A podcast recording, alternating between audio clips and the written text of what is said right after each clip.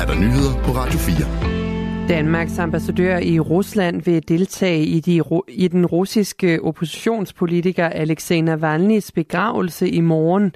Han ved dog ikke, om det vil lykkedes. Jeg forventer et stort sikkerhedsopbud og ved ikke, om vi får lov til at komme ind, eller om man fra myndighedernes side vil blokere vores og andre russers deltagelse, siger Jakob Henningsen til Ritzau. Jakob Henningsen siger, at han deltager i begravelsen sammen med en række kolleger.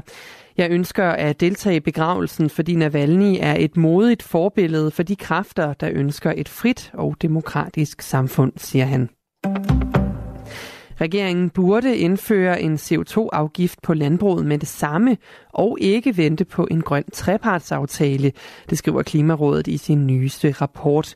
Klimarådets formand Peter Mølgaard siger på et pressemøde om rapporten, at han mener, at regeringen godt kunne indføre en drivhusgasafgift på landbruget uden en grøn trepartsforhandling.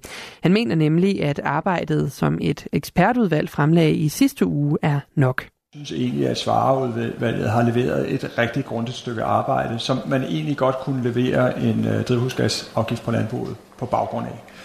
Vi er ikke helt tonedøve. Vi kan godt se, at trepartsforhandlingerne er indkaldt og, og kommer til at køre. Og det vi sige, så appellerer til, det er i virkeligheden, at det ikke forsinker indførelsen af en drivhusgasafgift. Og det med andre ord vil sige, at når man indkalder øh, til, til, til trepart, eller hvor mange parter der nu egentlig er i, i det, så skal man også prøve at sikre en smidig og hurtig indførelse af en tilstrækkelig høj drivhusgasafgift på bagkant af det.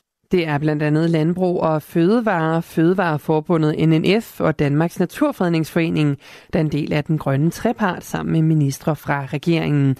Klimaminister Lars Ågaard siger til TV2, at den grønne trepart er nødvendig for, at alle parter føler ejerskab til klimapolitikken. Jamen, jeg er enig med Klimarådet i, at vi har travlt, men øh, jeg tror ikke, at treparten er en forsinkelse. Klimarådet siger, at det er sandsynligt, at vi når vores laveste klimamål på 50% reduktion af drivhusgasser for, til næste år. Til gengæld så mener Klimarådet ikke, at regeringen har anskueligt gjort, at vi når målet for 2030. Det skyldes blandt andet, at der ikke er lagt op til nok reduktioner i landbrugets udledninger. Israelske styrker beskyldes for at have dræbt mindst 104 personer, der i morges ventede på at få udleveret nødhjælp vest for Gaza by. 280 mennesker skulle være såret. Det er sundhedsmyndighederne i Gaza, som er kontrolleret af Hamas, der oplyser dødstallet. Det skriver nyhedsbyrået AFP. Israels militær har ikke bekræftet, at et soldater har skudt og dræbt palæstinenser, der ventede på nødhjælp. En talsperson for Israels regering siger til gengæld, at adskillige palæstinenser blev dræbt, da lastbiler med nødhjælp pløjede gennem folkemængden, som var mødt op for at få udleveret nødhjælp. Ifølge talspersonen for det civile for de, de civile i, undskyld, vi prøver lige igen. Ifølge talspersonen var det civile palæstinenser, der sad bag rettet i lastbilerne. Hun kalder sagen for en tragedie. Hamas advarer om, at en massakre kan afspore forhandlingerne om våbenhvile og frigivelse af gisler. Det skal være standardindstillingen, at chatbots er slået fra i apps og på hjemmesider. Så lyder det en af de 13 anbefalinger, som regeringen netop har modtaget fra en ekspertgruppe, der har undersøgt kunstig intelligens. Anbefalingerne har særligt fokus på børn og unge. Som det er nu, så findes der en indbygget chatbot i eksempelvis det sociale medie Snapchat. Man kan stille chat chatbotten spørgsmål, som den så svarer på.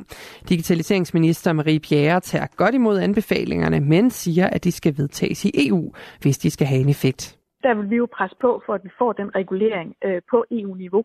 Øh, altså Danmark er jo, er jo ligesom en del af EU, øh, så derfor ligger der en opgave hos os, der ligger en opgave hos mig som digitaliseringsminister, i at tale med mine kollegaer øh, i EU, de andre digitaliseringsminister, og presse igennem for, at vi får den rette regulering på det her område. R&B-sangeren SZA er blandt 23 nye navne, der skal spille på Roskilde Festival i år. Det skriver festivalen i en pressemeddelelse. SZA udgav sit første album Control i 2017. Vi har drømt om at præsentere SZA siden hendes debut i 2017, siger Roskilde Festivals programchef Anders Varen i pressemeddelelsen.